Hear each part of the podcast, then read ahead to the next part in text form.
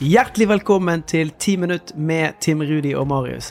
Dette er podkasten hvor du på 10 minutter får inspirasjon, kunnskap og konkrete tips til hvordan du kan ta action mot det som betyr noe for deg i din hverdag.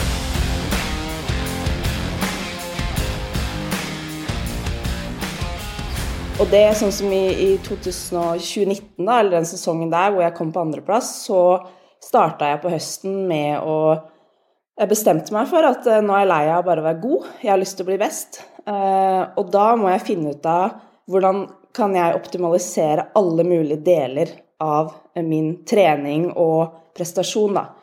Så da, da starta jeg med på en måte å finne ut eh, jeg må gjøre alt jeg kan innenfor restitusjon, innenfor trening, innenfor eh, kosthold.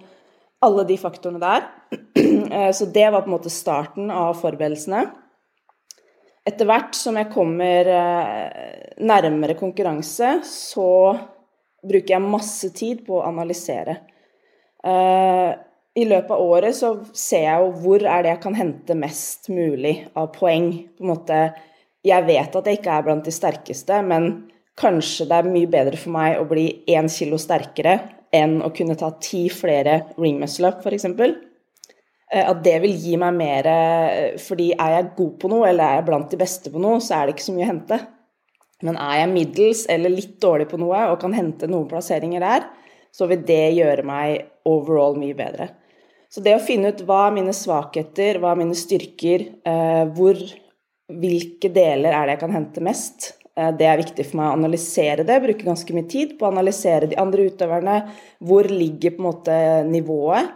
Hvor må jeg heve mitt nivå? Eh, så det er på en måte liksom grunnleggende forberedelser. Og så kommer vi da inn mot konkurranse, så når vi får noen økter, så bruker jeg mye tid på å sette meg ned og se på hvor lang tid kan denne økta her ta? Eh, hva er mine styrker, hva er mine svakheter? Kan jeg kjøre unbroken repetisjoner? Må jeg dele opp? Hvordan deler jeg opp? Eh, hvilke utstyr trenger jeg? Hvordan skal jeg gjennomføre transisjon? Hvordan skal jeg gå fra én øvelse til en annen? Hvor trenger jeg kalk? Hvor skal jeg ha det? Altså alle ting som kan forberedes, de forberedes i forhold til en økt. Og det gjelder også eh, type tidsskjema sånn da når jeg kommer inn i en konkurranse. Så, så, tidlig som mulig skriver jeg ned alt jeg vet i forhold til konkurransen. Sånn at jeg kan planlegge når skal jeg stå opp, når skal jeg spise frokost, hva skal jeg spise, når drar jeg til arenaen, når skal jeg begynne å varme opp, hva skal jeg varme opp, hvilke klær skal jeg ha på meg. Mm. Altså alt sånn som kan, eh, kan, forberedes, det forbereder jeg. Da har jeg mye større kapasitet til å håndtere uforutsette ting som dukker opp underveis. For det gjør det alltid.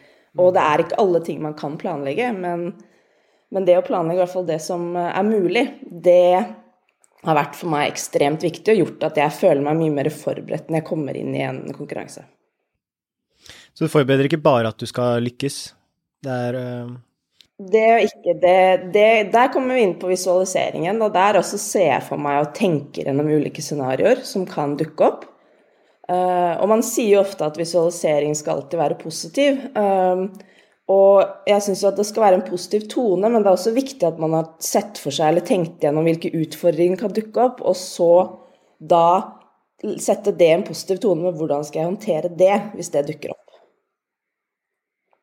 Yes, og, og, det er jo det som er så, det jeg syns er kult er at det du starter med, som du sier, jeg starter med å analysere alt, og det handler jo egentlig om at du kobler på en voldsom nysgjerrighet da, på det du skal gjøre, og på hvem du er, og hva du skal inn i. Og det også tror jeg er noe som veldig mange overser viktigheten av. Da, at det kan være litt sånn ukomfortabelt å se på seg sjøl eller finne ut av Noen syns det er krevende å finne styrkene sine. Noen syns det er krevende å se på svakhetene sine. Men hvordan er det du har bygd opp den kapasiteten der til å tørre å se på hele deg og hele situasjonen og hele realiteten sånn som den er? For meg så har det handla litt om å, å, tørre å ta eierskap da, til prosessen. Fordi i starten så var det bare coachen min, som treneren min, som fortalte meg hva jeg skulle gjøre, og jeg stolte egentlig blindt på det han sa, og, og at det var det beste for meg. Men etter hvert som, eh, som jeg har vært med eh, i flere år, så har jeg skjønt at det er jo ingen andre som er ekspert på meg enn meg sjøl. Og da er det viktig at jeg tar litt ansvar og tar litt eierskap til prosessen, fordi jeg kan ikke da skylde på han i ettertid og si at hei, du, det her var ikke riktig for meg, hvis jeg bare har fulgt det han har sagt og stolt på det. Så, så det å, å, være litt sånn boss-lady, ja, som, jeg, som, jeg, ble litt i 2019, 2018-2019, eh, at jeg tok litt eierskap til og tok ansvar rett og slett for min egen utvikling og prestasjon, og, og henta inn på en måte de jeg mente kunne hjelpe meg best. da. Eh, så jeg har jo fått masse hjelp eh, til å gjøre det her, og til å analysere og finne ut hva er best for meg, men til syvende og sist så har jeg på en måte hatt ansvaret sjøl, da. Og for meg så har det vært eh, ekstremt viktig i den prosessen her. Mm. Kan du dele med oss et øyeblikk, egentlig fra hvilket som helst år, som der du sto i en motgang og møtte en barriere som du ikke hadde sett for deg? Og si litt om hvordan det var, hva du gjorde for å komme deg ut av det. Ja, det har vært ganske mange. Så det er, det er, vanskelig å velge. Men, eh, men, jeg må jo nesten nevne det som kanskje definerte karrieren min. Og det, det var noe som skjedde i 2013. Eh, eh, hvor jeg akkurat egentlig hadde starta med crossfit og var litt sånn Var på vei opp. Og hadde akkurat gjennomført en kvalifisering til da Europas største crossfit-konkurranse, som het Battle of London. Um, det her var på høsten 2013, og så dro jeg til en fysioterapeut, fikk nåler i brystet og endte opp med en punktert lunge på Ullevål sykehus. Uh, og da, da, var det åtte uker til den konkurransen. Uh, så det første jeg spurte om da, var jo selvfølgelig uh, når kan jeg trene igjen? Når jeg kom inn på ble lagt inn på, på akutten på Ullevål sykehus. og forsto vel egentlig ikke helt alvoret i det og tenkte at ja, jeg, jeg kan sikkert trene om et par dager, liksom. Um, spurte legen om eh, når kan jeg trene igjen, og det, hun lo litt av meg og sa at det trenger du kanskje å tenke på akkurat nå, nå må vi få den lungen din bra igjen. Uh, og altså, jeg syns så ekstremt synd på meg sjøl. Jeg var et stort offer for den nåla, nålen og punkterte lunga. Brukte flere dager i en sånn selvmedlidenhetsspiral.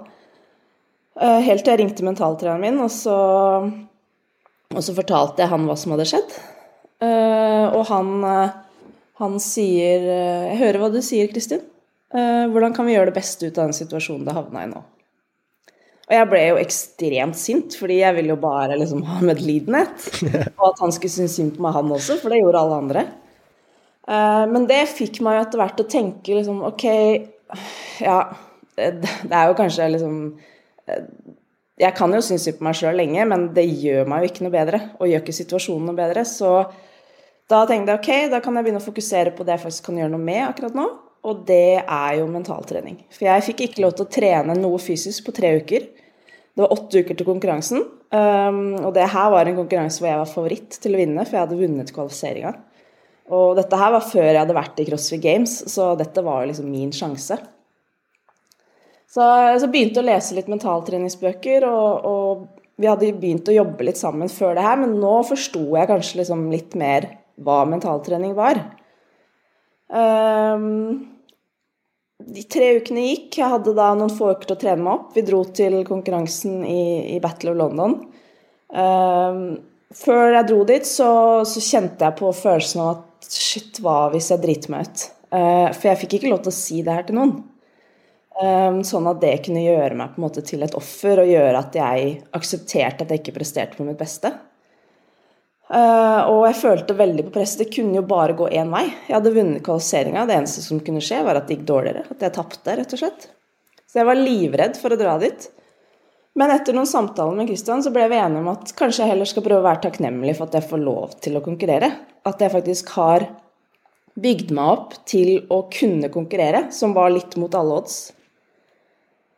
To dager senere så sto jeg øverst på pallen med seier i Battle of London. Uh, og den følelsen der, den er det faktisk ingenting som har slått i ettertid. Fordi da var jeg helt sikker på at det her kom aldri til å gå. Nå var liksom min min tid over pga. det her. Eh, jeg var jo ikke fysisk min beste form, men jeg hadde trent hodet og var veldig sterk mentalt i den konkurransen. Klarte å faktisk glede meg istedenfor å være redd for å gjøre det dårlig. Og den følelsen der, stå på toppen av pallen der og kjenne at eh, fy fader, det her, det her var rått. Det her har jeg fått til. Um, ja, det er ikke så mye som har slått det i ettertid, da.